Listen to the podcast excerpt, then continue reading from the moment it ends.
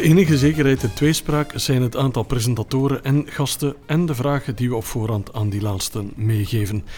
Waar het gesprek naartoe gaat, blijft altijd een raadsel. Het zorgt ervoor dat deze podcast zowel voor u, voor hen als voor ons alle kanten uit kan. En zo krijgt u het leven in al zijn gedaanten. Een goed uur lang. Misschien steekt u er nog wel wat van op. Dichter-schrijfster Silver Hanneman publiceerde begin 2022 haar derde dichtbundel, Wat nu met het licht dat binnenvalt. In haar werk, zowel romans als poëzie, maakt ze angst, verdriet en rouw wijd bespreekbaar. Toen ze 24 was, verloor ze haar vader, drie jaar later stierf haar zus. Vaarwel zeggen lijkt dus een jammerlijke constante in haar leven. Louis de Jager is ondernemer en auteur. Samen met Dirk Drouwlands, Steven Vromman, die hier trouwens ook al te gast was, en Mies Mulders richtte hij de Bye Bye Grass campagne op, waarmee hij zowel burgers als de overheid oproept om zoveel mogelijk gazon te vervangen door een duurzamer alternatief. Met zijn architectenbureau Commensalist ontwerpt hij voedselbossen, tuinen en duurzame landbouwprojecten. En hij durft al eens een brief te sturen naar koning Filip. Dag Giel, dag eh, Louis, welkom in Kortrijk, welkom bij Tweespraak. Um, we beginnen altijd met de vraag zo, hoe gaat het met jullie? We zijn begin mei 2022, we hebben een heftige periode, heftige jaren achter de rug. Hoe gaat het nu met jullie, Sil? Bij mij is in de meimaand altijd een beetje een, een lastige maand. Um, in de intro kwam al dat mijn papa en mijn zus overleden zijn. Dat is allebei in mei gebeurd. Dus um, mei is zo... De, um, er komt meer zon, de lente start. Dus je zou je eigenlijk supergoed moeten voelen. Mm. Maar bij mij is dat altijd een beetje dubbel. Nu, in die maand is vorig jaar ook mijn dochtertje geboren. Dus geeft dan wel weer zo een, een nieuw leven in de maand. Dus dat was, uh, dat was wel leuk. Ja. Dus het is een mhm. beetje dubbel bij mij. Oké, okay, proficiat trouwens ook met die geboorte. Dank je. We gaan naar de overkant, Louis. Hoe kijk jij terug op uh, het begin van de maand mei? Wel, het is raar, maar uiteindelijk leef ik toch een beetje mee met de seizoenen. Dat uh, de winter toch een, ja, een periode van meer inkeer is en, uh, en nadenken. Terwijl de lente toch het moment is van baf, hey, alles begint te groeien. Ook je ziet dat met projecten. Um, het heeft er natuurlijk ook wel iets mee te maken dat ik in de, in de buitensector zit, hey, landbouw, uh, tuinen, voedselbossen, dat daar ook bij de mensen het begint te kriebelen. Maar um, ja, alle nieuwe projecten die ik zelf opstart, die, die zijn nu gewoon volop aan het boomen. En ja, dat is superleuk, geeft superveel energie. Ja. Uh, ben je dan heel veel buiten letterlijk ook voor je job, of niet? Toch wel, maar uh, dat mag eigenlijk nog meer zijn. Mm Oké. Okay. Sil, we hebben het in de intro verteld. Je hebt uh, begin dit jaar een uh, derde dichtbundel uitgebracht. Hoe, hoe, kijk je daarop terug? Um, met heel veel trots. En ik zeg dat eigenlijk niet zo snel over iets dat ik publiceer. Um, maar op deze ben ik, ben ik echt trots. Het is de eerste keer dat ik enorm hard gevroed heb in mijn poëzie. Um, dat ik er um, heel goede redactie op heb gekregen. Um, dat ik het zonder illustraties heb gedaan. Normaal werk ik samen met een illustratrice. en ja, ik vind dat hij er staat ik ben er, ik ben er echt trots op. Ja. Mm -hmm, zalig. Mooi, zalig. Overigens, in de inleiding zei Pieter Jan dat Louis een link heeft met Steven Vrooman. En jij hebt ook een link met een oud gast van Tweespraak, hè? Um, inderdaad, ja, met, uh, met Vincent Komans uh, deel ik die baby die uh, in vorig jaar in mei is. ik hoop meer dan dat. Ja, ja, zeker, zeker. Fantastisch. Ja, Vincent was hier al even geleden te gast, Steven. 2020, denk ik. Mogen we wel eens terugkijken op de podcast. Um, maar de link met Steven Vrooman, wat, wat is die weer?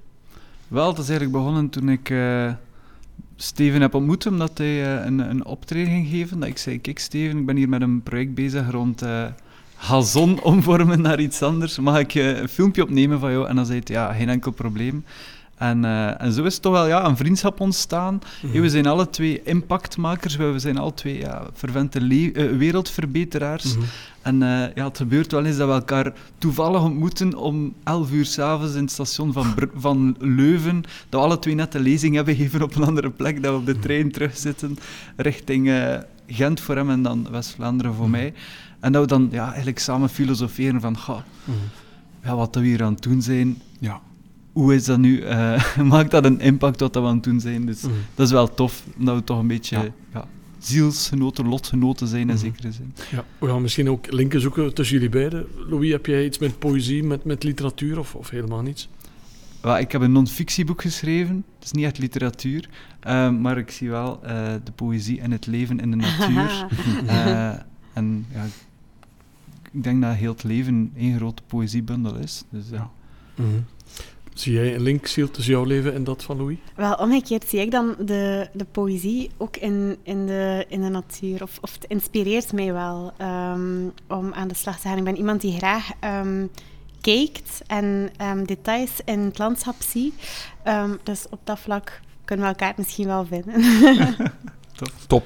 Dan denk ik dat we volledig warm gedraaid zijn, Steven, om er eh, volledig in te vliegen. Nu, we geven mee aan de luisteraars dat de gasten onze vragen niet zo op voorhand hebben kunnen doornemen. Dus het wordt een spontaan gesprek, maar op zich hebben we het graag zo. Het zijn vaak Eh, de beste gesprekken. Het zijn vaak de beste, dat klopt. Ehm, ik zal beginnen met een vraag die we normaal gezien altijd zo... Ik weet niet waarom, hoe dat al komt eigenlijk, Steven. Altijd naar het einde van de podcast stellen. En dat is de vraag, op welke vraag wil je graag eens een antwoord krijgen? Dus op welke vraag die er leeft in de wereld, heb je zoiets van... Ja, mocht ik kunnen, zou ik daar echt wel een keer een antwoord op willen. Louis, je knikt heel overtuigd van ja, dus je hebt een, hebt een antwoord klaar. Ja, ik zou echt wel graag een, eh, een antwoord willen vinden op de vraag van... Iedere mens heeft een zaadje in zich zitten om een positieve verandering in de wereld te brengen. Heel veel mensen willen iets doen, maar ze van iets willen doen tot het werkelijk doen, is er een blokkade of is er iets die, die hen weerhoudt om het niet te doen? En dikwijls zijn het de mensen die het nog meeste voorbereid, nog meeste nagedacht hebben, de Mhm. meeste perfectionisten, die zo'n analysis paralysis hebben en die niet tot actie komen. En mijn vraag is eigenlijk, hoe kunnen wij ervoor zorgen dat mensen wereldwijd in actie ziet en gewoon Mhm. een kleine stap zetten. Het moet niet perfect zijn, Mhm. maar gewoon als iedereen iets kleins doet, dan maken we een enorme vooruitgang. Dus Mhm. mijn vraag is, hoe zorgen we daarvoor? Heb je een antwoord? Want jij hebt zelf een aantal zaadjes, je hebt ook al een aantal dingen gerealiseerd. Geef eens een paar tips aan die mensen die misschien nog over de brug moeten komen. Voor mezelf heb ik het antwoord en dat is gewoon, eh, als je iets denkt, doe het. Eh, probeer in het klein en dan, dan merk je wel of het lukt of niet. En vooral, wees niet bang om te falen, want ja, het is interessant om dingen te doen die niet lukken, omdat Mhm. je daaruit leert. Mhm. Tegen de muur lopen kan pijn doen, maar dat is snel voorbij dan. Maar het- ding is dat gewoon, begin niet te snel, zo als je tegen die muur loopt, dat je niet te hard tegen die muur loopt. Ja. hè. Doe het traag. En dan voel je de muur gewoon, Mhm. zonder dat je er moet tegenlopen. Er is daar ook trouwens een mooi woord voor wat dat hij is al heel beschrijft. poëtisch. voilà, voilà. Dus op zich we zitten al in het thema. Het is trouwens een mooi woord dat hij beschrijft. Dat is de knowing-doing gap. Dat is eigenlijk het, de plaats tussen weten en doen. Ja. Maar ben je dan iemand, omdat je net sprak over lezingen geven, die dat echt actief meegeeft in de lezingen van mensen? Eh, Je moet niet denken dat je om, om iets te veranderen, dat je moet eh, eh, 100.000 euro samenvatten en, en, en beginnen. Dat elk stapje telt. Je iemand die er echt op hamert dan ook? Ja, ik probeer er wel bijna alles wat ik doe mee te geven. Dat is ook mijn persoonlijke waarom in het leven. Mm. Om, om net mensen te activeren daarin. En dan ja, vergelijk, het, vergelijk ik het gewoon dikwijls met... Oké, als, een, als een meisje van 15 jaar met, de, met een vorm van autisme de hele wereld kan samenbrengen en wakker maken, Mhm. wat is jouw excuus dan? Mhm. Dat, is, dat probeer ik dikwijls mee te geven. Mooi. Mooie beelden Ja. om eh, mee te starten. Sil, jij leeft ook waarschijnlijk met heel veel vragen. Op welke vraag wil jij graag eens een antwoord? Ja, ik denk dat de vraag die ik in mijn hoofd heb misschien zelfs heel goed aanleunt bij die. Ehm, ik ben daar de laatste tijd vaak mee bezig hoe dat ik gelukkiger kan zijn met minder. Mhm. Ehm, ik merk dat sinds dat, ehm, dat er een, een extra iemand in het gezin eh, is, dat, ehm, dat ik daar duurzamer mee wil omgaan, maar dat ik soms niet zo goed vind hoe en vooral. ehm, ik wil bijvoorbeeld tweedehands eh, speelgoed, tweedehands kledij kopen voor mijn Mhm. kindje. En toch laat ik mij iedere keer opnieuw ook vangen aan ah, ah, een mailtje van Sophie van Zalando. Mhm. Ik ga nu toch een keer kijken en zo een five-pack rompertjes. Ah ja, maar ik heb dat nodig. Dus mijn vraag is meer van hoe kan ik, kan ik dat, dat een, beetje, een beetje stoppen? En Mhm. eh, eh, ben daar niet zo goed in. En ik vind dat jammer dat ik daar niet goed in ben. Ehm, Oké. voilà. Ja. Mhm. Dus het leunt er ergens een beetje bij aan wel. En Ja. zie je voor jezelf stappen die je kan zetten daarin? Mhm. Wel, ik ben... eh, Ik, het ding is, ik doe het altijd goed en dan stop ik met het goed doen. Hm. Ehm, ik volg heel wel zo van die vintage sites eh, waar je dan tweedehands kledij kunt kopen. Superleuk. En dan doe ik dat een paar maanden zo volhardend. En dan plots is het weg. Ehm, En zit ik toch weer bij zo van die eh, ketens te kopen. En dan denk ik van... Mhm. ah, doen we toch. Ehm, ja. Louis, ben je iemand die daar heel actief mee bezig is met, laten we zeggen, uw indruk, nadruk op de wereld zo klein mogelijk maken? Of hoe moet ik het zien? In de zin van hetgeen dat je, allee, raar Ik- gezegd, ik dat je achterlaat, dat je... Ik doe eigenlijk het omgekeerde. Ik probeer altijd van hoe kan ik de indruk zo groot mogelijk achterlaten. Mhm.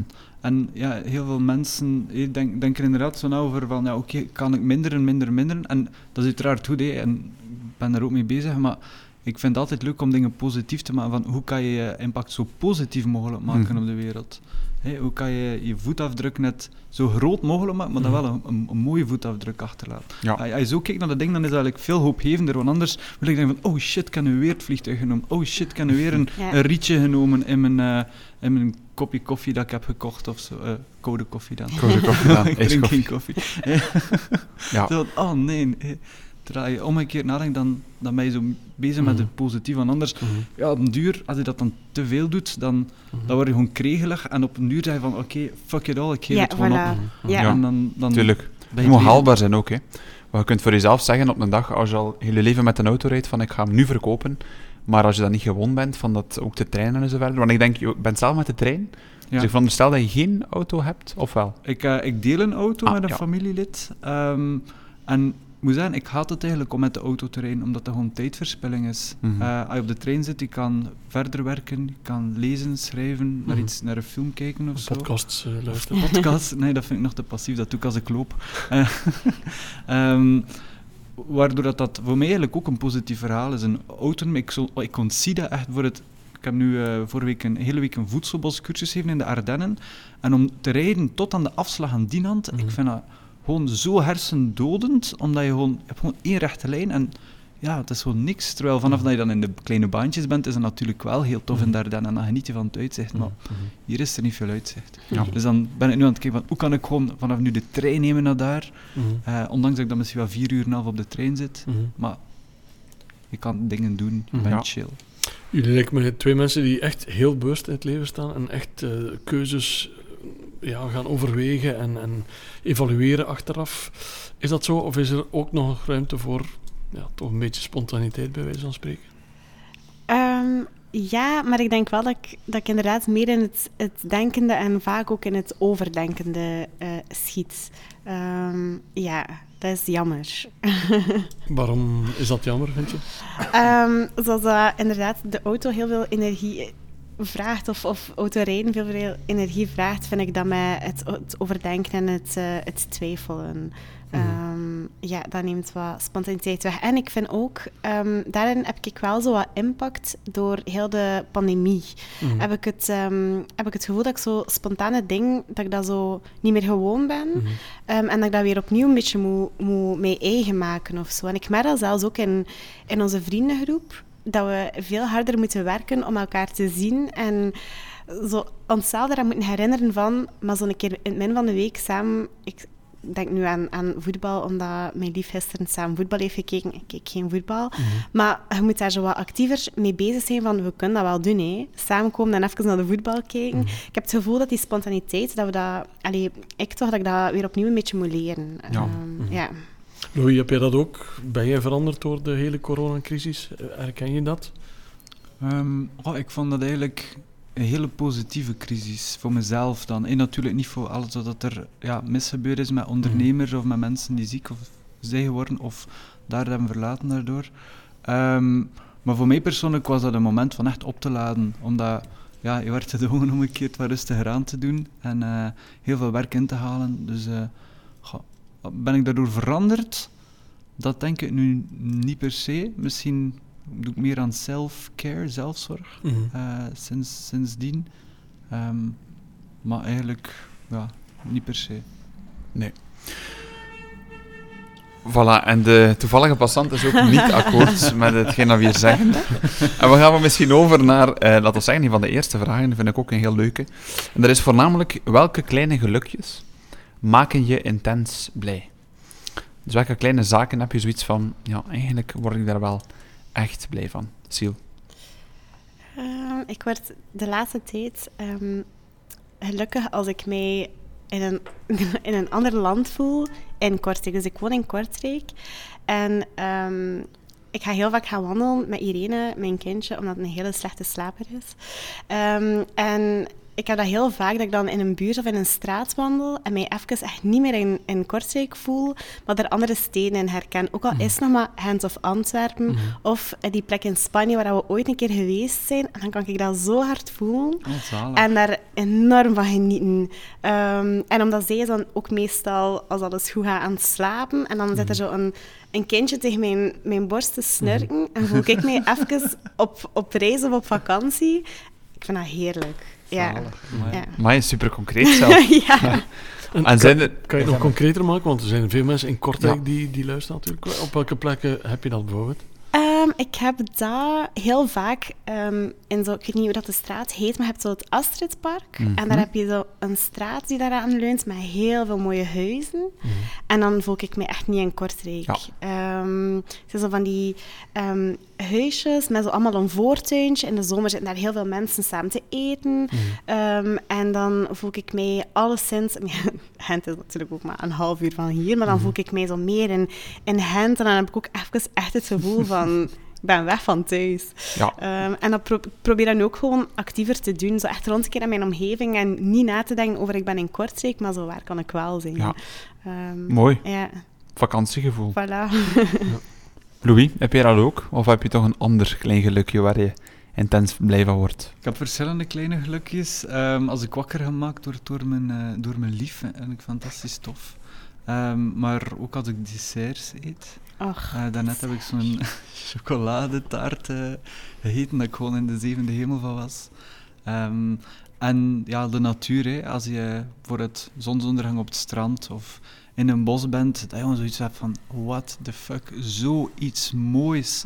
Zo, gewoon, en dan, dan zeg ik soms letterlijk tegen mensen rondom, als je dit hier kan zien, dan ja, kan je toch niet anders dan een optimist zijn of gelukkig zijn of, of, of zien dat er hoop is. Gewoon zo'n schoonheid dat er Mhm, mhm, bestaat. En, en allemaal zelf in ons eigen land of zelf Mhm. in onze eigen Ja. provincie. Zo'n onvoorstelbaar... En het is gelijk hoe dat je zegt, als je erop let, en je moet zo de tijd nemen om gewoon te kijken en te Ja. voelen en zeggen van... "Oh my god, België, ja. West-Vlaanderen. Ja, dat is ook wel iets dat we geleerd hebben in de pandemie, dat ons eigen land eigenlijk verdomd schoon kan zijn. Ja, zeker. Als we echt, ik kan niet zeggen gedwongen worden, maar gewoon een keer rondom kijken, hebben we heel mooie plekjes hier in de buurt. Ja. Ja. Dus eh, voor de mensen van Kortrijk die luisteren, aan het Astridpark, wanneer je op vakantie. Ik wou het net zeggen, ik had het opgezocht. Het was overleg, denk ik, aan Ja. de minigolf daar in Kortrijk Ja, waarschijnlijk, Ja, ik ben daar vorig jaar hoogzwanger gaan minigolfen. maar ik, ik had het zo gehad. En ehm, ik dacht van, ja, ik wil zo iets doen, maar ik kan ook niet meer veel doen. En dan zijn we gaan minigolfen daar. Voilà. Voilà, dat Ja. lukt nog net. Ja, dat lukte nog net. Super. Een andere vraag die we de gasten altijd voorleggen en die ja, leidt tot eh, soms mooie, verrassende antwoorden is eh, wie of wat kan jou diep ontroeren? Ontroering is een eh, basisemotie die we allemaal ervaren, denk ik, in eh, goede en slechte tijden. Maar wat is dat voor jou, Louis? Wie of wat kan jou het diepst ontroeren? Ik denk de dieren of mensen. Eh, zeker zijn dieren, omdat die heel onschuldig zijn. Hè. Ik vind dat toch dat dieren toch wel minstens 99% onschuld uitstralen. En eigenlijk te zien eh, als ze misbehandeld worden. En dan heb ik bijvoorbeeld over eh, dieren die je, die je eet. die op eh, misschien een onvriendelijke manier geslacht worden. Of eh, op niet toffe omstandigheden wonen. Mhm. of leven vooraleer dat ze in ons bord belanden. Dan kun je zeggen van, allee jong, zo'n puur, schoon dier. Ja, hoe kan het gewoon dat we ze, dat we ze zo behandelen? En dan denk ik terug aan de tekst van, van Dr. Dolittle van... Why do we treat animals like animals? Hey, dat vind ik Mhm. bijvoorbeeld zo'n onroerende tekst van dat liedje. Je moet dat maar een keer eh, opzoeken of beluisteren. Dan krijg ik zo ook echt in mijn hart, of de tranen zelf in mijn ogen. Dan denk ik van, inderdaad, waarom behandelen we dieren als dieren? En eh, ja, dat raakt me toch wel enorm. Mhm. Dierenleed is echt wel iets dat je, dat je persoonlijk ook aantrekt, denk ik. Ja, zeker en vast. Maar evengoed ook mensenleed. Evengoed bijvoorbeeld de boer die varkens heeft, die nooit het licht zien. Dat, dat ontroert me ook, want die Mhm. boer is ook gedwongen in een, in een, in een situatie Mhm. eh, door de maatschappij dat hij één, zo als niks verdient, eh, dat hij per varken dat hij verkoopt nog een keer 25 euro moet opleggen, die bijvoorbeeld een miljoen euro schulden heeft. dat ontroert mij ook, want die, die Mhm. persoon heeft ook een familie, heeft een passie voor, voor de landbouw, maar wordt eigenlijk door de maatschappij echt gedwongen in een, in een hokje die, ja, denk voor de dieren veel beter kan, en zeker ook voor zichzelf. Dat je denkt van, allee, dat is ook een mens van vlees en bloed met een Mhm. verhaal, Mhm. waar wij dan als maatschappij voor het voor boeren niet de respect hebben dat we eigenlijk Mhm. zouden moeten hebben. En heb je zelf ook huisdieren of niet? Nee, ik Ik heb... vraag het jou omdat ik zelf een kat heb en Ja. omdat ik altijd verwonderd ben over de relatie dat je met zo'n huisdier kan eh, opbouwen. Een relatie tussen Ja. aanhalingstekens, want het is natuurlijk, zoals je zegt, een heel onschuldig wezen. Hè? Ja, het is dat. En, en die zijn gewoon vo- volledig eh, ja, in, in handen van ons. Hè. Zeker ja, als je een huisdier hebt of, of, of een dier eh, houdt, die, die zijn aangewezen op je. Een kat is nu eigenlijk nog een, een tussenvorm, omdat die ook voor zichzelf kan zorgen. Hè, maar een hond bijvoorbeeld, ah ja, een hond kan niet voor zichzelf zorgen. Nee. Ja. Maar wel een fantastisch dier ook, hè. Het zou wel zijn. Zeker Ja. een connectie toe. Dus, Ja, eh, ja. Maar je eet zelf geen vlees dan? Nee, ik eet geen dieren, Geen nee. vlees, ja. Oké. Siel, wat kan jou ontroeren? Wie kan jou ontroeren? Mag dat eens concreet? Eh, mijn lief kan mij ontroeren als hij ehm, zingt. Eh Vincent kan echt heel mooi zingen en Mhm. heel hoog zingen. En als hij ehm, aan de piano bezig is, ehm, let ik er he- heel vaak niet op. En dan plots besef ik van wat dat hij aan het doen is. En kan ik er zo plots door, door gepakt worden. Mijn kindje kan mij ook ontroeren. Eh, de laatste tijd ehm, grijpt ze heel vaak zelf naar boekjes. Mhm. En ze heeft zo iets dat ze de blaadjes, zo de dikke kartonnen blaadjes met haar twee duimpjes, zo probeert open te, te doen. En het is, het is super schattig om te zien. En kunst. Ehm, ik hou ehm, van kunst. Ehm, ik ben geen kunstkenner, maar ik hou er enorm van. En ik ga heel vaak naar het MSK in Gent. Dat is echt mijn lievelingsmuseum. En daar heb je een aantal beelden van Georges Minne. Zo heel slanke figuurtjes die elkaar omhelzen, die een dode hinde omhelzen. En iedere keer als ik die beelden zie, dan, dan kan ik daar echt de traan schieten. Vaak in mijn, in mijn, soms kan ik er zelfs gewoon niet naar gaan kijken.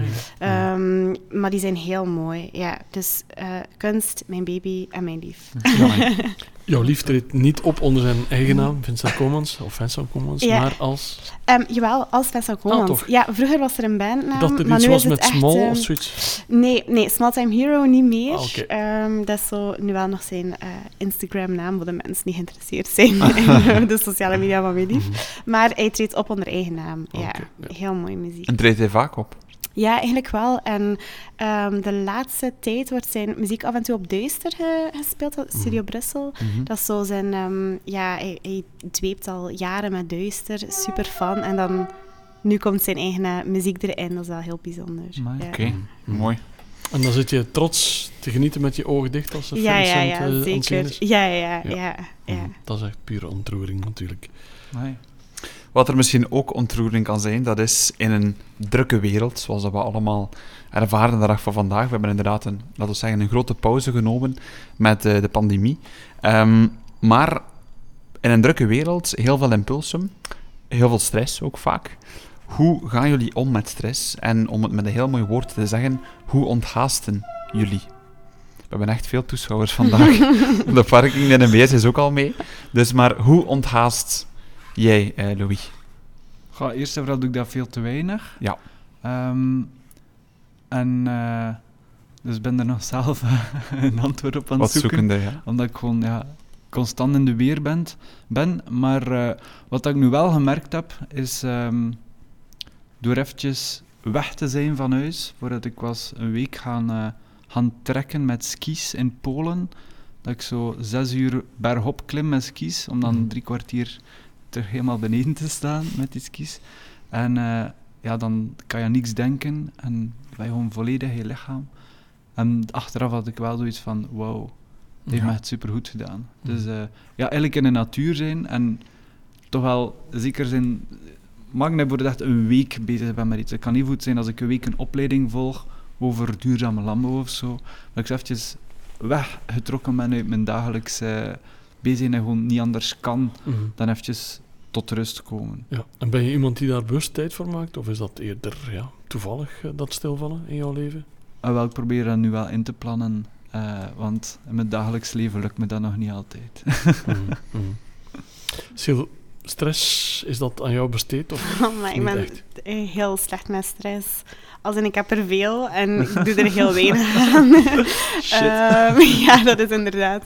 Ehm, maar ik, ik, moet er, ik moet er echt aan voor werken om, om te onthaasten. En op, eigenlijk is dat al niet zo'n zo'n eh, zo'n goede ingesteldheid, denk ik. Ehm, maar ehm, heel simpel, het, hetgeen dat mij het meest kan onthaasten, is een bad nemen, omdat ik dan echt niets anders kan doen. Ja. Mhm. Ehm, dus, dus dat vind ik ook gewoon heel leuk. Ehm, en ik doe ook af en toe eh, yoga. Mhm. Maar zo, Yoga with Adrian heet dat. En die heeft zo'n een YouTube-kanaal. En het is een, een super toffe... Ze heeft een, een mega toffe hond. En ehm, ze, ze maakt heel leuke eh, yoga-video's. En ze, ze spreekt u constant aan. Ehm, eh, neem nu die pose, like the goddess you are. En denkt echt van, fuck yeah, I'm a goddess. Ehm, dus dat is, dat is ook heel leuk. En onthaasten vind ik ook wel in... als, ik, als ik dan bijvoorbeeld ga gaan wandelen, zoals ik in het begin zei... ehm, zo probeer ik dus op die details te, te letten, maar ook zo op de details van huizen.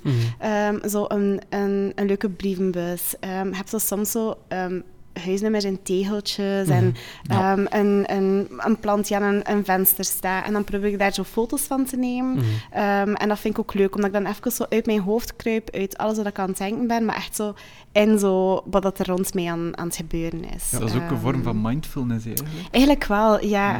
Ja. Ehm, ik, had, ik had vroeger meer ehm, last van, van paniekaanvallen. En één iets om daar zo uit te geraken is ehm, vijf dingen opzommen dat je ziet, hoort en eh, voelt. Mhm. En iedere keer Ah. aftellen. Dan vier, dan drie, dan twee, dan één. Mhm. Zij er nog niet helemaal uit, opnieuw beginnen. Mhm. Maar door die oefening ben ik dat spontaan ook beginnen doen. Rondkijken, wat hoor ik, wat voel ik aan mijn trui. Mhm. Ehm, dus dat vind ik ehm, een, een, Mhm. een leuke om Ja. dan toch maar een beetje te Het kan mij niet anders, want een cijfer is heel zin, zintuigelijk aan het werk, denk ja, ik. Hè. Ja, ja, ja, inderdaad. Ja. Ehm, Ben je dan ook bezig met literatuur op momenten dat het stilvalt en in je hoofd? Of, of zeg je, ik laat dat dan los? ja, nee, ik schrijf heel vaak in mijn hoofd. Ehm, eh, ik heb ook altijd papier en, en pen mee voor als het echt iets concreets wordt. Ehm, maar zo dat zintuigelijke, ik vind dat altijd een, een leuke uitdaging om dat in een gedicht om te zetten. Mhm. Hoe verwoord je zo van, ja, zo, eh, zo'n bladerdaksschaduw bijvoorbeeld. Zo Mhm. de zon, zo de blaadjes op de grond, ehm, dat vind ik leuk. Maar hoe verwoord je dat, wat dat met je doet. Dus ik vind dat een, een leuke uitdaging om zo die zintuigelijke dingen in, in woorden te vatten. Niet zo Eh, simpel, denk ik. Nee, nee. Daar kan je toch niet anders van rustig van worden, want dat is toch ja, inderdaad super complex om van die complexe dingen in woorden te brengen. Ja, ja, dan ben je even weg van, Poëzie, van de wereld. Ja, Ah, ja, ja. Ja, want we hadden eerder al een schrijver te gast die zei van, ik, ik heb een beetje discipline nodig. Ik moet mezelf een beetje mm, onder druk zetten qua timing, anders raak ik er niet. Heb jij dat ook? Of, of gebeurt dat allemaal spontaan? Ehm, ik heb dat bij proza ook. Ehm, ik, heb, ik heb nog maar één, ik heb twee kortverhalen ehm, geschreven en één roman. Voor die Mhm. roman had ik ook echt discipline nodig. En dan had ik een schrijfdag per week en dan moest dat echt ehm, eh, eruit komen, nalezen. Met poëzie is dat veel ehm, gevoelsmatiger, spontaner. Ehm, dat, is, ja, dat is echt puur, puur op gevoel. Als ik poëzie schrijf, zit ik ook soms in zo'n roes. Heb ik spierpijn, is dat precies of ik ben gaan sporten. Eh, met proza is dat echt inderdaad zo wat discipline nodig. Mhm. Ja, omdat het min, minder mijn ding is, denk ik. Ja. ja. Dankjewel, we gaan het over een heel ander boek gooien. We worden allemaal geïnspireerd. Zeker eh, mensen die artistiek of eh, cultureel bezig zijn, denk ik dan. Eh, dus voor jullie zal dat niet anders zijn. Zijn er mensen met een zekere staat van dienst, beroemdheden zullen we ze maar gemakkelijk noemen, die jullie ergens inspireren, Louis? Ja, zeker en vast. Ehm, ik heb zelf als coronaproject een, eh, een nachttreinbedrijf opge- opgericht om nachttreinen te laten rijden tussen Brussel en Berlijn. Ik heb eh, uiteindelijk beseft dat dat niet mijn wereld was, eh, dat dat veel te serieuze mensen zijn. We hebben dat dan verkocht aan een Nederlands bedrijf, dat nu in september gaat starten met rijden. En toen heb ik Richard Branson leren kennen, omdat Mhm. ik was op zoek naar, oké, welke transportfirma's zijn, of menselijke transporten, zijn zo hey, de beste ter wereld, heel goede people care. En eh, ik vond dat fantastisch, eh, de manier hoe dat hij zijn bedrijven heeft eh, opgezet. En ook gewoon, is ook gewoon gestart als een normale kerel, Mhm. zoals hij en ik. En die echt gewoon geleidelijk aan gewoon een heel imperium heeft opgebouwd. En toch wel ja, een van de bedrijven heeft opgericht met de meest gelukkige mensen. Mhm. Ook een van de, met de meest gelukkige klanten. En, en zo mensen vind ik super inspirerend. Eigenlijk ook hetzelfde met, met een Elon Musk bijvoorbeeld. Je kan heel veel dingen eh, tegen hem zeggen bijvoorbeeld. En, maar ik laat dat zelf in het midden. Mhm. Of, of die dingen nu, eh, of alles goed is wat dat hij doet of niet. Mhm. Dat, dat moet iedereen maar zelf uitmaken. Maar ik doe het godverdomme toch. Mhm. Hij is wel bezig, hij heeft gewoon als, als particulier, als gewone mens, raketten gebouwd die gewoon, ja, ik weet niet hoeveel keer goedkoper en efficiënter zijn dan die van de NASA. Ja, doe maar, hè. Mhm. Dus dat vind ik gewoon fantastisch. Ja. Zo mensen die gewoon echt durven groot denken en, eh, en gewoon dingen kunnen revolutionariseren. Anderzijds hebben die mensen ook ja, een beetje controversieel kantje. Kan je dat dan makkelijk eh, afschuiven van die persoon? Ik denk als je naar grote innovators kijkt in het verleden, dan had, iedereen wel een controversieel kantje. Ehm, ik ga niemand goed praten. hè. Ik Mhm. denk dat iedereen wel zijn, eh, zijn dark side heeft en misschien ook zijn negatieve impact heeft. Maar ik, ik kan er wel naast kijken. Ook ge- gewoon puur die daadkracht eh, vind ik super interessant. Mhm. Je hebt twee mensen genoemd die ver van ons wonen. Heb jij in België, in Vlaanderen mensen naar wie je ergens opkijkt? Stond niet op het blad. Ja, gaan nu... Goh, mens, mens, gewoon mensen ro- rondom me die, die gewoon sociale eh, entrepreneurs zijn. Ehm, Ik ben, ben niet zo goed in namen onthouden, maar bijvoorbeeld, je hebt de oprichters van Ray and Jules, die koffie. Dat vind ik gewoon fantastisch, dat, dat, dat ze gewoon een, een bedrijf op... Dat is eigenlijk gewoon mensen die erin slagen om hun activisme om te zetten naar een bedrijf. Mhm. Want activisme heb je subsidies voor nodig dikwijls, of, of vrijwilligers. En die krijgen dikwijls een burn-out. Als je Mhm. dat in een bedrijfsmodel kan gieten, dan is dat structureel verankerd. Mhm. Bijvoorbeeld ook Robinetto, dat is ook een bedrijf van, ik, ken, ik vergeet namen. Ehm, ook gewoon opgericht met een kerel die zei van, ah, kom, we moeten de aantal plastic flessen verminderen. Mhm. Hij heeft daar gewoon een heel bedrijf rond opgebouwd. Mhm. Hij werkt nu samen met. Mhm.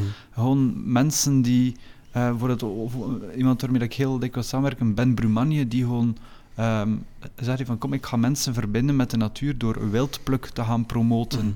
en daar eh, allerlei opleidingen rond te organiseren. Gewoon mensen die hun, hun activisme, hun wereldverbeteraarschap omzetten in een bedrijf. Dat Mhm. zijn mijn grootste helden. Dan kan ik hier zeker de tweespraak aanbevelen met Hassan Al-Hilou, sociaal entrepreneur, die in Brussel fantastisch mooi werk eh, levert. Oké, tof. Ja, en die, ik denk van deze week eh, te gast was bij Premier de Croo. Die gesprek had met onze premier. Stond op zijn Instagram. Ik denk eergisteren, dus dat zal Zalig. eh 3 mei geweest Dat is het waar, hè. Als daar Dan is het staat. waar. Als daarop staat. Instagram, dat is altijd Instagram, dat is het. Ja. En Vincent Komans vind je nog altijd op. Op Instagram. Voilà, voilà. Goed, Sil, naar welke mensen kijk jij op in België of internationaal? Ach, ik vind dat een heel moeilijke vraag, omdat ik denk dat de mensen waar ik naar opkeek, ehm, bijvoorbeeld omdat ze mij inspireren op, op schrijfvlak of zo, ehm, mij nu zo niet... Ik, ik, hoe moet ik dat zeggen? Ik vergeet het altijd als ik niet met die persoon bezig ben of zo. Maar dan ga ik maar zeggen wie dat er in mijn hoofd komt. Dat is misschien een beetje absurd, maar dat is Gigi Hadid. Dat is een, super, een topmodel. Ehm, en waarom? Het is misschien meer omdat het mij intrigeert. Ik heb zo'n... ehm als ik niet zo in, in de boeken of in de kunst zit, vind ik dat leuk om zo het leven van zo van die ehm, wereldsterren zo'n beetje te volgen. Mhm. Ehm, en ik ben daar altijd zo naar... Ben daardoor geïntrigeerd van hoe... Hoe, hoe gaat dat? Die hebben miljoenen volgers. Die ehm, overal waar dat die wandelen, zit er een race aan paparazzi achter hen. En ik ben daar gewoon altijd zo benieuwd naar. Hoe leef je zo? Ehm, en zij heeft nu onlangs, of misschien een jaar of twee geleden, ehm, is zij mama geworden. En zij slaagt erin om haar kindje echt zo... Nergens is dat kindje herkenbaar.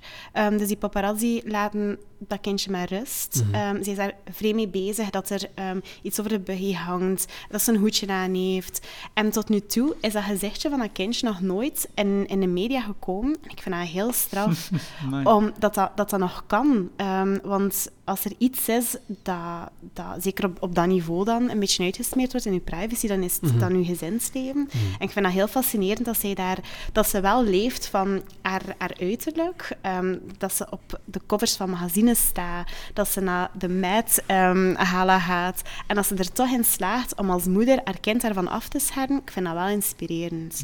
Ehm, ja, ik pro- probeer bijvoorbeeld ook ervoor te zorgen dat Irene niet herkenbaar op foto's komt op sociale media. Ehm, maar zelfs dat is al moeilijk. Ehm, Ja. Dus ik vind dat... Het is misschien een, een gekke inslag. En het is niet dat ik voor de rest zo bezig ben met, met, met modellen of zo. Maar dat vind ik gewoon wel inspirerend. Ja. Zo'n schrijnend voorbeeld heb je van eh die documentaire van Amy Winehouse. Kun je wie die gezien hebt? ja, lang geleden. Ik weet wel dat ik daar heel, heel slecht van was, van die documentaire. Dan vraag je af van hoe is zij, ja, wie heeft er haar gedood eigenlijk? Ja, eh, ja, die vader. De, eh, ja, of vond ik een beetje... ja en paparazzi. Ja, voilà. Ja. Ja.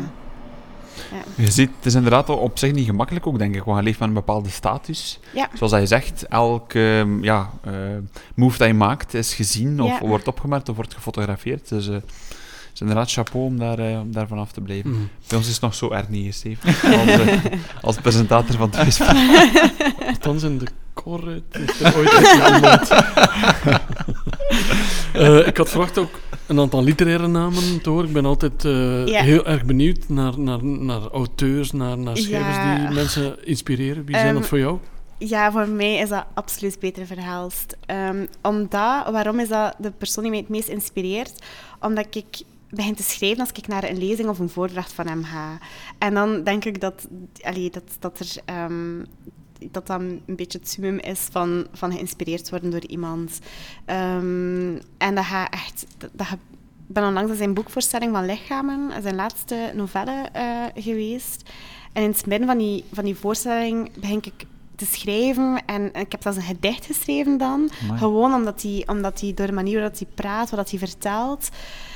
Ik hang aan zijn lippen. Ehm, ik vind dat... ehm, ja, ook echt een heel, heel warme mens. En die zijn brein, hoe dat hij schrijft, hoeveel dat hij durft ook in, in, in literatuur. Ehm, ja, dat, dat is voor mij echt een, eh, een grote bron van En inspiratie. wat bedoel je met wat hij durft in literatuur? Ja, ehm, boeken als, als Tonkat ehm, vind, ik, vind ik echt durven.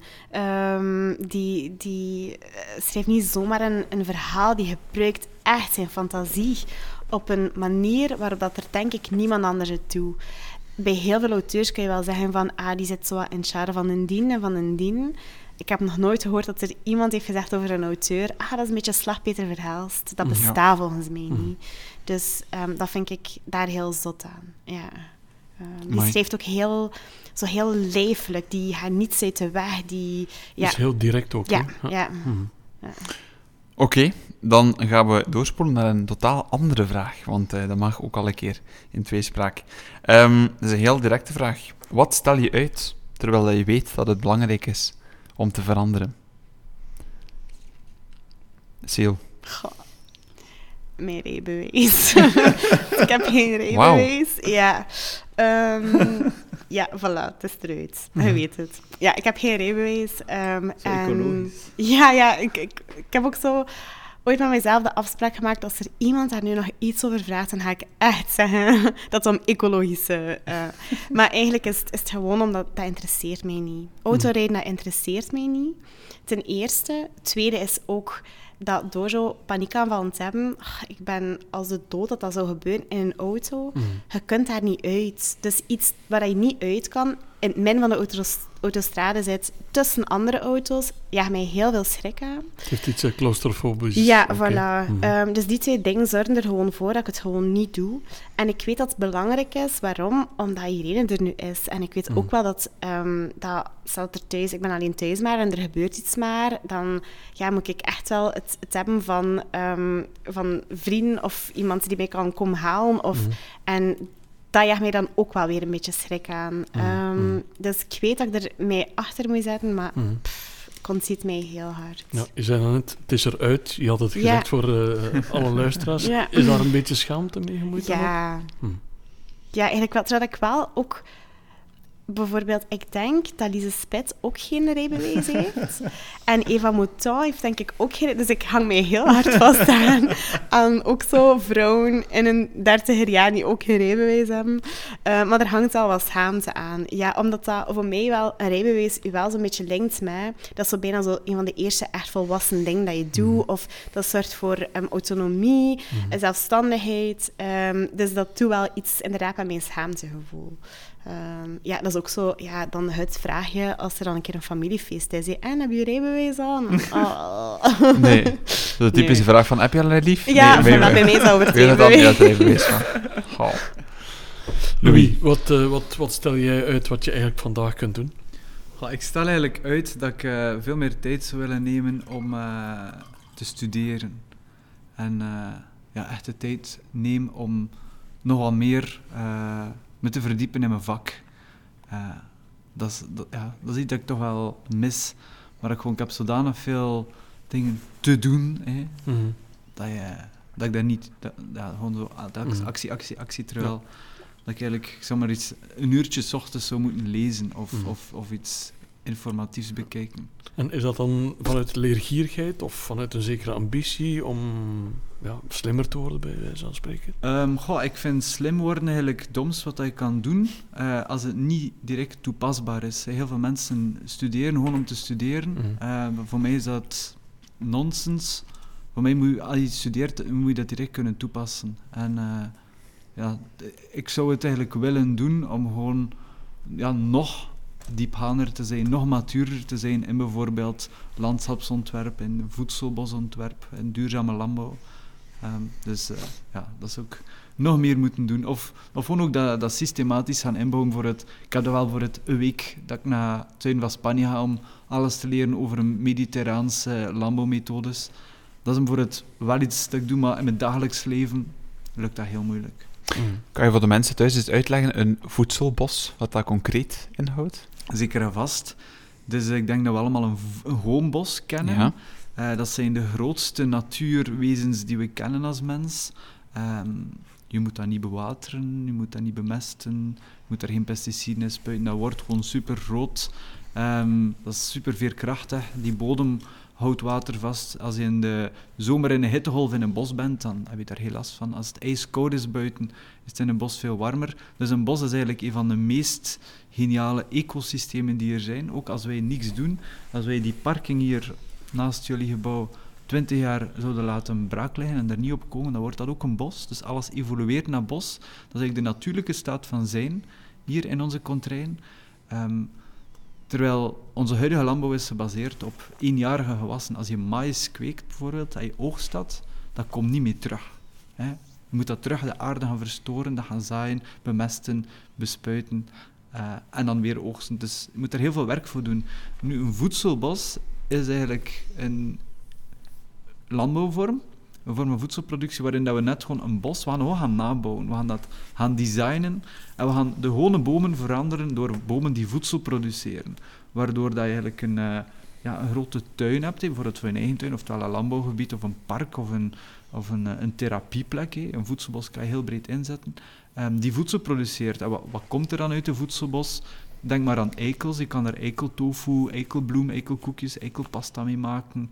eh, kastanjebroden, eh, fruit, wijn, fruit, bier. eh, ja, uiteraard gewoon fruit en noten om te eten. salades, heel veel blaadjes van Mhm. bomen zijn ook eetbaar. Ehm, dus het is eigenlijk een, een, een Garden of Eden dat je nabouwt. En het voordeel is, je hebt een kastanjeboom die bijvoorbeeld op de Etna-vulkaan staat. Die is zo'n al 4000 jaar aan een stuk kastanjes aan produceren. En moet daar gewoon niemand iets voor doen. 4000 jaar aan een stuk, dat blijft gewoon produceren. En ja, uiteindelijk eh, zeg ik dat ook tegen de mensen van... Dat is een heel simpele investering. Je betaalt, laat zeggen, 40 euro voor een, eh, een okkernootboom. 15 minuten plant je dat in je tuin. Je achterkleinkinderen gaan er nog altijd ieder jaar opnieuw noten van hebben. Noem me één eh, investering die je gelijk welk moment kan doen, die zoveel blijft opbrengen. Mhm. Dat is er gewoon niet. Voilà. En bij deze zijn we weer terug mee. Ik vroeg mij al de hele tijd af, ik zeg, ik zal het gewoon vragen, want dat kan ook in een, eh, in een podcast. Dat. Ik weet niet of ik jullie leeftijd mag verklappen voor onze luisteraars. Ehm, ik zal maar zeggen eind de 20 voor eh, Louis, als, dat, eh, als ik goed ben geformeerd, geïnformeerd. Als jij jezelf nu vergelijkt met de jongen of de jongeman die je was tien jaar geleden, toen was je een student van 18, 19 denk ik. Eh, wat is er dan zo allemaal veranderd in jouw leven? Ehm, En ben je zelf veranderd als mens, denk je? Ik denk persoonlijk dat ik eh, nog redelijk hetzelfde ben als vroeger. Ik vind mezelf minder arrogant dan tien jaar geleden. En, en gewoon wat diepgaander. Ehm, ik heb gewoon veel meer inhoud gekregen dan tien jaar geleden. Maar op zich denk ik dat ik nog altijd redelijk hetzelfde ben gebleven. Ah, ben, je, wa- ben je blij van, van dat trekje arrogantie af te zijn? Ja. Ah, wat herken je dat? Omdat je zo vrij snel zegt van ik ben nog steeds dezelfde gebleven. Welke kenmerken maken Louis dezelfde als tien jaar geleden? Goh, dat ik gewoon heel actiegericht ben. Ik een, een, can-do mentaliteit heb. Dat ik zoiets heb van alles is mogelijk, laten we het gewoon doen. Dat had ik tien jaar geleden ook wel. Ehm, en nu durf ik wel nog wat groter te dromen dan toen. En, eh, en het, het grote deel wat dat wel veranderd is, is dat ik nu echt mijn energie echt wat inzet om, om iets te veranderen in de wereld. Terwijl aan mijn achttiende wist ik nog absoluut niet wat dan mijn rol was op deze Mm. planeet. Mhm. En dat heb ik gaandeweg ontdekt. En dan die energie kanaliseert naar, eh, ja, dat ik merkte van oké, de drie vierde van de aarde is gedegradeerd, een derde van de aarde is woestijn aan het worden. Hoe kunnen we dat stoppen? Mhm. Dus eh, Mhm. En stel dat je de Louis van tien jaar terug zou ontmoeten, wat, wat zou je hem zeggen? Ga in eerste instantie niks. Ehm, omdat uiteindelijk je bent eh, geworden door wie dat je bent. Het enige wat ik misschien zou zeggen is eh, eh, al een zaadje planten van zelfzorg. Probeer het soms een keer rustig aan te doen. Dan moest ik dat al eerder zo ingeprent hebben, dan zou misschien... Maar dan ging ik misschien dingen niet gedaan hebben dat ik had moeten doen. Dus ik ga geen tijdreizen, probleem veroorzaken. moest Ja. ik een teletijdsmachine. Mhm. Oké. Sil, we gaan eh, ook in jouw leven tien jaar terug. Ja. Hoe kijk jij terug op die periode? Wat voor een meisje was je toen en ben je nu? Ehm, ik was iemand die me heel snel ehm, afhankelijk maakte van iemand. Ehm, het feit dat ik nu nog altijd geen rijbewijs heb, is, dateert ook van, van die periode. Dat was de Mm. periode waarin ik het moest leren. Ehm, en ik ben toen, ik ben ook al heel lang samen met Vincent. In die periode was ik ook al samen met Vincent. En had ik ook zo'n hele grote sociale angst. Ik deed niet veel alleen. Ik deed dingen samen met hem. Ehm, en dan ben ik daarna mijn, mijn papa mijn zus verloren. En hij heeft daar echt geen, geen goed aan gedaan. Ehm, ja, rouw verlamt u een beetje. En ik heb dat tegelijkertijd ook een beetje gebruikt. Ehm, ik ben aan het rouwen. Ik heb erg dingen meegemaakt. Ja. Dus je moet het nu even voor mij doen. Ehm, en in de laatste jaren heb ik daar vooral in therapie keihard aan gewerkt Mhm. om wel autonoom te worden, om wel een zelfstandige vrouw te worden, om ehm, alleen met vrienden af te spreken, om eh, alleen de trein te nemen. Dat waren allemaal dingen dat ik niet deed, om te bellen, een afspraak te maken bij de kapper, bij de dokter. Dat zijn heel simpele en eenvoudige dingen, Mhm. maar ik, ik, ik deed het niet, ik kon het Mhm. niet. Mhm. Ehm, dus als ik dan eraan terugdenk hoe dat ik toen was en wat ik nu aan het doen Mhm. ben. ehm, tien jaar geleden ging Vincent hier gezeten hebben bij mij. Ik ging niet alleen naar een podcast gekomen zijn. Mhm. Ehm, dus het is een, een, een zot verschil wel. Mhm. Ja. Want zoals je nu vertelt over jezelf, dat vind ik eigenlijk wel heel knap. ja. Ik ga misschien nog zelf inpikken op de vraag die Steven... Je hebt eigenlijk zelf twee vragen in één gesteld. Sorry. Dus stel dat je zelf opnieuw tien jaar geleden tegenkomt met hetgeen dat je nu inderdaad allemaal heel eh, confronterend en mooi vertelt. ja. Welke tip zou je zelf geven? Ehm, goh. Het eerste wat mij opkomt is... ach, ik zou mijzelf misschien een beetje een schop onder mijn gat geven. Zo van, Mm. allee, kom aan, Sil. Ehm, maar ik, maakt, dat, maakt dat dan iets uit? Ik, ik weet het niet. Ehm, ik ben vooral dankbaar dat ik bij een goede therapeut en zo ben terechtgekomen. Want ik vind het heel belangrijk dat ik die ding nu kan meegeven aan Irene. Dat vind ik Mhm. belangrijker dan nadenken van hoe, ze- wat zou ik kunnen veranderen. Ik wil nu meegeven aan Irene dat autonomie en zelfstandig dingen doen, ehm, dat, dat, dat dat belangrijk is. En ik ben heel blij dat ik ze heb verworven, net voordat ik moeder ben geworden. Ja. Ehm, dat vind ik zo belangrijker om, om mee bezig te zijn Mhm. of zo. En mag dat eens concreet, hoe ga je dat in de praktijk omzetten naar Irene toe? Ehm, Goh, het zit, bij mij zit het nu in, in heel kleine dingen. Ehm, als ik er een dag alleen mee thuis ben, dat ik echt zo op pad ga. Ehm, dat ik ermee naar de markt ga, dat ik ermee naar de biep ga. Gewoon om aan mijzelf te... Ik moet dat nog altijd doen om aan mijzelf te tonen. Ik ben, een, ik ben mama geworden. Ehm, ik ben 32 en ik ga met mijn kindje vandaag naar de markt. Ehm, en ik weet dat dat bij heel veel mensen... Ik denk dat bepaalde mensen die dit gaan horen, gaan denken... Ja, en? Maar voor mij is dat wel echt een, een big deal nog altijd. Ehm, dus ik probeer zo dingen waar ik wat angstig voor ben, gewoon te zeggen van oké, maar ik ga ze nu gewoon doen. En dan hebben we dat gedaan. Ben ook, ik werk naast het schrijven, ehm, doe ik ook nog een, eh, een, een bijjob, dat is voor kunst in huis werken. Ik werkte vroeger in de bibliotheek, ben recent veranderd van job en daar heb ik beslist dat ik geen belfobie meer heb. Ik had zo'n belfobie, ik durfde niet bellen, ik nam nooit op. En ik heb daar gewoon beslist van, ik ben hier een persoon die dat niet heeft. En ik ben direct begin bellen. En daardoor ben ik er zo wat, wat van af aan het geraken. Want ik wil wel tonen aan Irene dat ehm, de telefoon neem, dat dat niet iets is om bang voor te zijn. Ik wil zo die irreële angst niet overzetten op haar. Maar dat is wel, dat is lastig. Allee, dat is moeilijk. Je moet daar veel mee bezig zijn. En was dat een, even op inpikken, was dat een belfobie omdat er mensen, wat ik vaker hoor, rondom jou zaten, die hoorden wat je zei?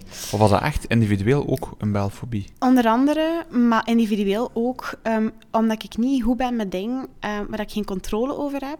En ik wist niet op voorhand hoe dat, dat telefoongesprek ging verlopen. Ik kon die persoon niet zien. Ehm, dus dat wakkerde heel veel onzekerheid en angst aan mij mee. Dus dan deed ik het niet. Ja. Amai. Dat is een beetje wat jij daarnet ook zei. Soms moet je gewoon springen en gewoon de dingen doen, Doen. zoals je Ja, dat... fantastisch. Wel, Eigenlijk beantwoord je de vraag een beetje dat ik, dat ik stelde. Hè. Van, Ja. eh, ja. Je- Je hebt de angst en toch doe je het. Ja, Zo van, het is niet omdat je bang bent dat je het niet moet doen. ja voilà. Ja.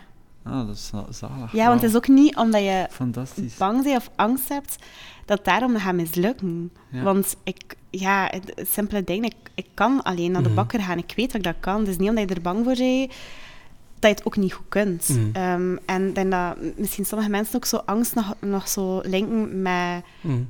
ik ga erin falen, terwijl het dat eigenlijk losstaat van elkaar. Maar dan denk ik terug aan een beeld, Louis. Fantastisch beeld. Je gaat naar de muur. Met de muur, Als je ja. te snel loopt, heb je heel veel pijn. Maar als je het Ja. traag doet, dan heb je misschien een tikje. Ja, voilà. Poek. Ja. Mooi. dat beeld zal me toch bij. Wel herkenbaar. Eh, Oké, en dan gaan we doorspoelen naar mijn favoriete vraag, denk ik. Ehm, en inderdaad, dat zal de voorlaatste vraag zijn. We moeten ook de tijd een beetje in de gaten houden. Ehm, en er is de vraag: welke trekjes laat je niet snel zien aan anderen? Is dat jouw favoriete vraag? Hey, dat is mijn favoriete vraag. Dat is eigenlijk, vroeger was dat de vraag: wat is jouw guilty pleasure? Maar die hebben we dan een beetje veranderd door deze vraag. Louis, ik zie je heel bedenkelijk kijken. Heb je zo'n bepaald trekje dat je denkt of zegt van, eigenlijk weten dan niet veel mensen dat ik dat heb of doe, of weet of eet? Ehm, goh. Ik denk ehm, voornamelijk ehm, dat me kwaad maakt of dat ik zo emotioneel word over dingen. Dat is gewoon iets dat ik eh, andere mensen niet wil aandoen. Mhm. Dus dat ik eigenlijk gewoon voor mezelf, als bijvoorbeeld kijk kwaad ben op iemand, eh, probeer ik dat, ja, niet, te, niet te veel andere mensen mee lastig vallen. Dus dat, dat is eigenlijk een trekje dat ik gewoon liefst van al privé hou. Ehm, omdat ik gewoon weet hoe irritant dat is als er, als er mensen constant komen ventileren over van alles eh, tegen je. Zonder, dat die zonder dat we daar ook iets mee gaan doen. Bijvoorbeeld, ik vind het heel tof als er mensen komen ventileren en dat, voor- we dan bijvoorbeeld samen kijken van hoe kunnen we dat oplossen. Maar eh, ja, ik denk dat dat misschien een trek is dat ik aan niet veel mensen laat zien, bewust. Ik vind dat niet. En weten de andere mensen dat dan achteraf? Of, of blijft dat bij jezelf? Ehm, goh, soms vat ik dat samen, niet altijd. Hm. Beetje mysterieus toch? Goh, niet per se mysterieus. Gewoon, eh, ja, dat, kan, ja, dat ik gewoon andere mensen niet, niet wil lastigvallen. Dat met, je het op eh, jezelf al verwerkt. Ja, Oké. Niet, niet dat ik voor het niet ga zeggen tegen mensen als, ze- als, als, als ze over mijn grens gaan of zo. Dat is iets wat ik ook wel aan het leren ben. Ehm, maar eh, meestal ja, probeer ik dat wel op een, op een geciviliseerde manier te doen. Terwijl ik bijvoorbeeld echt super kwaad zou kunnen zijn op iemand. En bijvoorbeeld dan, als ik in de auto zit, wordt het gewoon eventjes roep Ja. op een bepaald iemand. Maar ik ga dat dan gewoon eh, nadat ik dat gedaan heb, bijvoorbeeld. Dat is ook, denk ik, een veel krachtigere reactie als je je kwaad maakt op iemand en je zet dat eerst even in jezelf. Zoals ze zeggen ook van, van zeven keer met je tong draaien voordat je iets zegt. En dat je dan heel gevat en veel kalmer antwoordt. En dat die persoon dat misschien niet verwacht, want die verwacht dat je kwaad gaat zijn. Ja, het is dat. Ja, En je komt er wel, denk ik, verder mee. Ja, dat geloof want- ik zeker. Ja, het gebeurt soms dat je gewoon in het midden van, een, van iets zit, dat je echt gewoon vooruit moet gaan. En op dat moment is het misschien wel goed om eventjes, dat, Ja. eventjes te sparen. Ja, Maar, mag, het probleem is dat je dat gewoon ook niet mag opsparen en dat niet mag nee, dat want dan, verkroppen, eh, want anders... wordt dan een eh, toren. Het is dat. Mhm. Oké. Mooi. Zijn er trekjes die jij niet gemakkelijk laat zien aan de mensen dichtbij jou, veraf? Ehm, ja, ik ben echt enorm, enorm slordig. maar echt, je kunt ehm, in het huis, ehm, als ik thuis kom, van weg geweest, kun je volgen waar, waar ik ben geweest. Ehm, mijn rugzak daar. En dan, ah, ze heeft haar schoen afgedaan bij de frigo. Ze heeft haar schoen daar laten staan. Ehm, ze heeft dat uit de frigo gehaald. Ze heeft twee dingen van de drie teruggestoken, het andere niet. Ehm, en ik ben on- enorm slordig. Ja, voilà. Maar dat zit achter de deur. Nee. En dat dan Vincent die je daar attent op maakt? Amai, die haat mij daarvoor. Dus, en het, is ook echt niet, het is ook echt niet leuk. Ik snap het, maar ik doe er zo niets aan. Oei. Omdat ik het te gemakkelijk vind om er niets aan te doen. Zie je toch? Ja.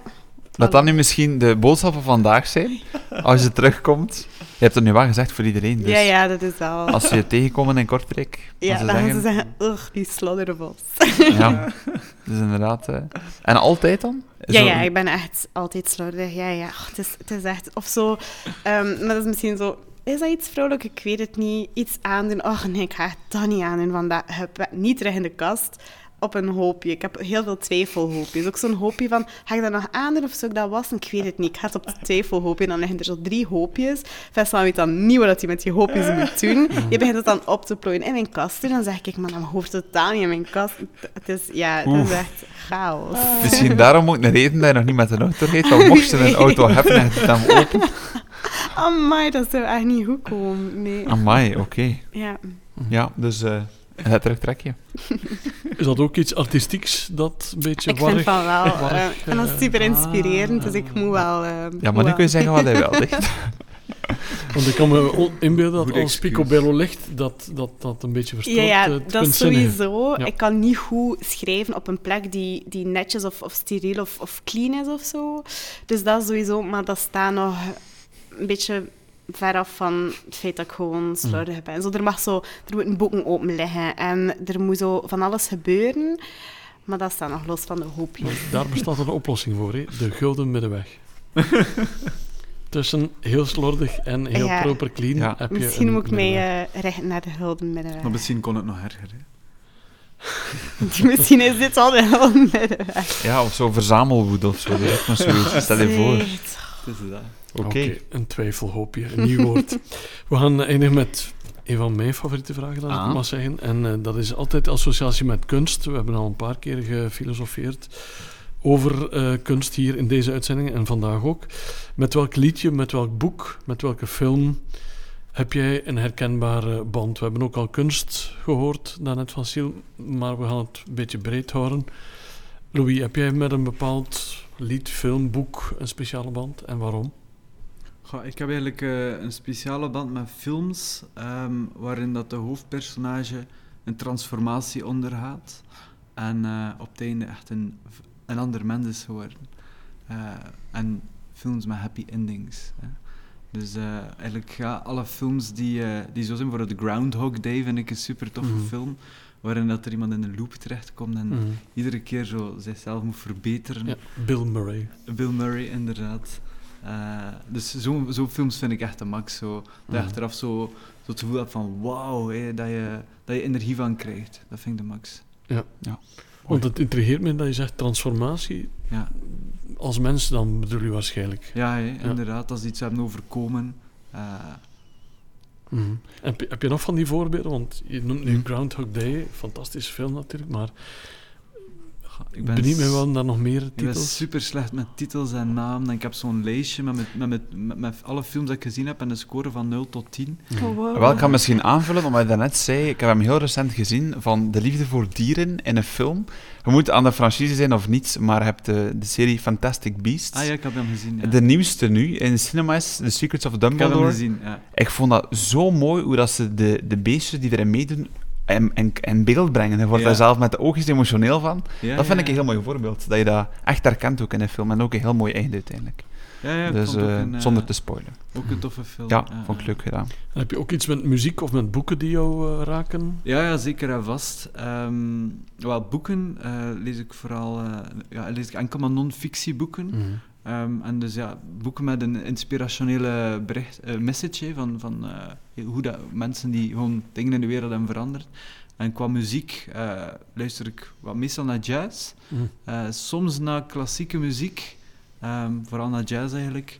En ehm, ja, een van de dingen, dat is misschien nog een, vraag, een antwoord op een vorige vraag, wat zou je nog meer willen doen? Dat is muziek spelen. Mhm. Dat is iets dat ik super graag doe, eh, maar dat ik gewoon absoluut Mhm. niet de tijd voor nemen. Voor het onlangs wel heb gedaan door, ehm, door de soundtrack dat ik heb geschreven voor een voedselbosdocumentaire dat we hebben Mhm. gemaakt.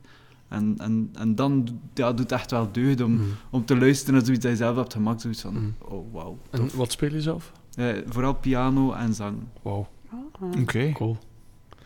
We hebben er al Zijn veel we- bijgeleerd Kunnen we dat ergens terugvinden op het internet? I- wel, als je de trailer bekijkt van eh, Food Forest, eh, Mhm. van de documentaire, eh, hoor je het. En als je de film bekijkt, die is op video, Vimeo On Demand te horen. En normaal gezien, eh, binnen twee weken ben ik op Clara, binnen, bij Berg en Dal, gaan ze een van die liedjes dat ik heb gemaakt ook spelen. Dus kom op Oh, Clara. dat, is, dat is super cool. Onze podcastcollega Berg en Dal, warm aanbevolen. Ja, en we gaan niet lachen, maar Clara, dat is mijn favoriete zender op zondag, dus daar gaan we sowieso niet mee lachen. Ik vind het fantastisch. Sil, je hebt al gezegd dat je eh, een band hebt met, met beelden, met sculpturen in Gent, maar zijn er ook boeken, zijn er ook liedjes, films die jou ja, persoonlijk heel erg raken? Ehm, ja, ehm, boek sowieso Naïef Super van Erland Leu. Dat staat ook op mijn onderarm getatoeëerd. Naïef Mhm. Super. Dat is een, ehm, een boek dat ik ooit van mijn papa heb gekregen. Ehm, met zo de- ik wist zo niet meer zo goed wat ik moest lezen. Ik was zo ja, be- begin het twintig of zo. En ik vond, mijn, ik vond mijn weg niet in de literatuur. En die zei van, lees dit. En dat is echt een heel simpel verhaal over een... eh, ook een jongen, denk dat hij 25 is, weet het ook even allemaal niet meer. En hij zoekt simpele dingen om weer betekenis te vinden eh, met een rood balken tegen een muur. Je koopt een, een hamerdoosje. Ehm, je hoopt dat hij zo plots het eh, zal vinden. Dat is een heel simpel verhaal, maar voor mij betekent het veel, ehm, omdat ik het dus van mijn papa heb gekregen, Mm. omdat ik het twee mooie woorden vind, naïef super. En ehm, mijn papa zei altijd, het is nu dat je moet leven, hè, meisje. Dat is zoiets dat hij mij heel veel zei. En plots la- herlas ik het boek nadat mijn papa was overleden. En op het einde komt er een foto van een billboard in dat boek en er stond op, ehm, the time is now. En voor mij viel alles samen in, in dat boek. Dus ja, voilà. Naïef super. Maar Amai. ik kreeg er koude rillingen van. Oh. Je bent eh, samen met een muzikant, dan Ja. kan het niet anders dat er ook muziek is in jouw leven. Ja. Zeg eens, Ehm, noem eens een paar namen.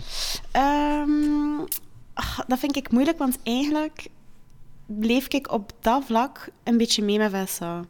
Ik vertrouw Vessa en alle, want mijn muzieksmaak is echt... Vanaf dat hij de deur uit is, dan luister ik echt naar van die ach, foute R&B, ehm, Cardi B, toestand. Ik vind dat de max. Dan sta ik te dansen in mijn keuken, maar het is niet dat ik daarop kan teren of zo. Eh, maar eh, op dat vlak leg ik gewoon de playlist van Vessa op en dan weet ik dat ik mooie dingen ga ontdekken. Eh, mijn papa was ook een enorme muziekliefhebber en verzamelaar, dus al zijn platen, al zijn cd's staan bij ons. Ehm, maar ik heb er zo nog niet de moed voor gevonden om, om, ze, om ze op te leggen of zo. Ehm, wat ik me daar wel bij heb, is ehm, Teardrop van Massive Attack. Er werd ook gedraaid op de begrafenis van mijn papa. En ik heb dat heel lang niet meer naar kunnen luisteren. Vanaf dat ze op de radio kwam, trok ik ehm, Ja. het stopcontact uit. En nu voel ik dat ik zo in een fase van de rouw zit, ehm, dat ik het kan. Dat opkomt, dat ik de zaal niet uitloop, dat ik de het stopcontact niet meer uittrek, dat ik gewoon kan zeggen van oké, ik ga het gewoon... En word ik er blij van? Hoe? Word ik er triest van? Ook hoe? Maar ik vlucht er niet meer van. Dus ehm, dat nummer is voor mij ook wel belangrijk of zo. Zou dat is zot, hè, zo'n zo'n begrafenisnummer uit dat dan Ja, hoort. dat vind ik heel, heel gek. Dat vind ik echt iets... verbieden, vind ik, ehm, zo muziek ja. op een begrafenis. Ja, dat is gewoon Ja, dat is echt. Voor altijd gelinkt aan... aan dat is Ja, echt... Van, van mijn zus is dat zo een, een nummer ehm, van Justin Timberlake, want zij was zo een, een heel zotte fan daarvan. Zijn zot nummer... Iets met feeling. Een heel, heel Mhm. populair nummer. ja. Dat is een mega Eh, vrolijk nummer. I got this feeling. Voilà. Mhm. Ehm, en dat is een, mega populair... Dat wordt nu nog superveel gedraaid. En ik vind dat nog altijd zo stom, dat dan nummer. Want ik word daar mega veel mee geconfronteerd. Ehm, dus ik, ik vind dat ook echt een, een moeilijke link, um, begrafenisnummers. Ja. Amai. Maar een heel vrolijk lied. Een heel vrolijk lied, wat Ja. ik moeilijk vond en ook snapte. Want Ja. dat was een, iemand die heel simpel en vrolijk in het leven stond. Ehm, maar ook zo wat, wat ik zo in het begin zei van de lente start, maar die sterfdagen zijn daar, Mhm. is dat ook een vrolijk dansnummer. Maar bij mij voelt dat Mhm. totaal niet goed. Nee, nee, nee. Ehm, dus ja. Fantastisch. Amai. ja. Mijn wens en mijn droom in het begin van de uitzending is helemaal uitgekomen. De minst voorbereide podcast, die zijn de, meest beste. spontane en de meest diepe. We hebben ook een mooie link gevonden tussen beiden. Dat is ook altijd mooi om te zien Ja. op het einde van de podcast. Ik ga jullie bedanken voor jullie openheid, kwetsbaarheid. Ik vond het heel super. Echt waar. Heel tof, heel diepgaand. Wat vond je er zelf van? Van de podcast. Dat is super tof. ja, ik vind het leuk om over, over die vraag... Ik vond het leuke vragen. Ik vind dat leuk om over na te denken. Ja. Ja, ik heb een beetje van mezelf opnieuw bijgeleerd, dus dat is zeker. Voilà. Mm. En hebben jullie iets opgestoken van elkaar? Want dat Dat is ook een zijn, beetje ja, de het is superleuk om je te leren kennen. Eh, dat Ja, is een ja, heel unieke manier om... Ja.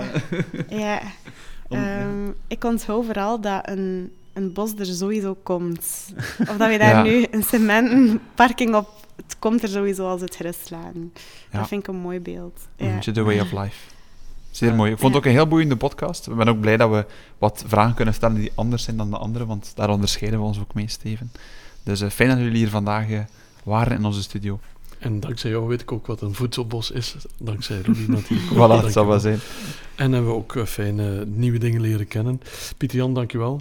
Siel, dankjewel. Louis, dankjewel. Het gaat jullie goed. Ja, en zeker. tot de volgende tweespraak. Tot de volgende tweespraak. Dank u wel. Ciao.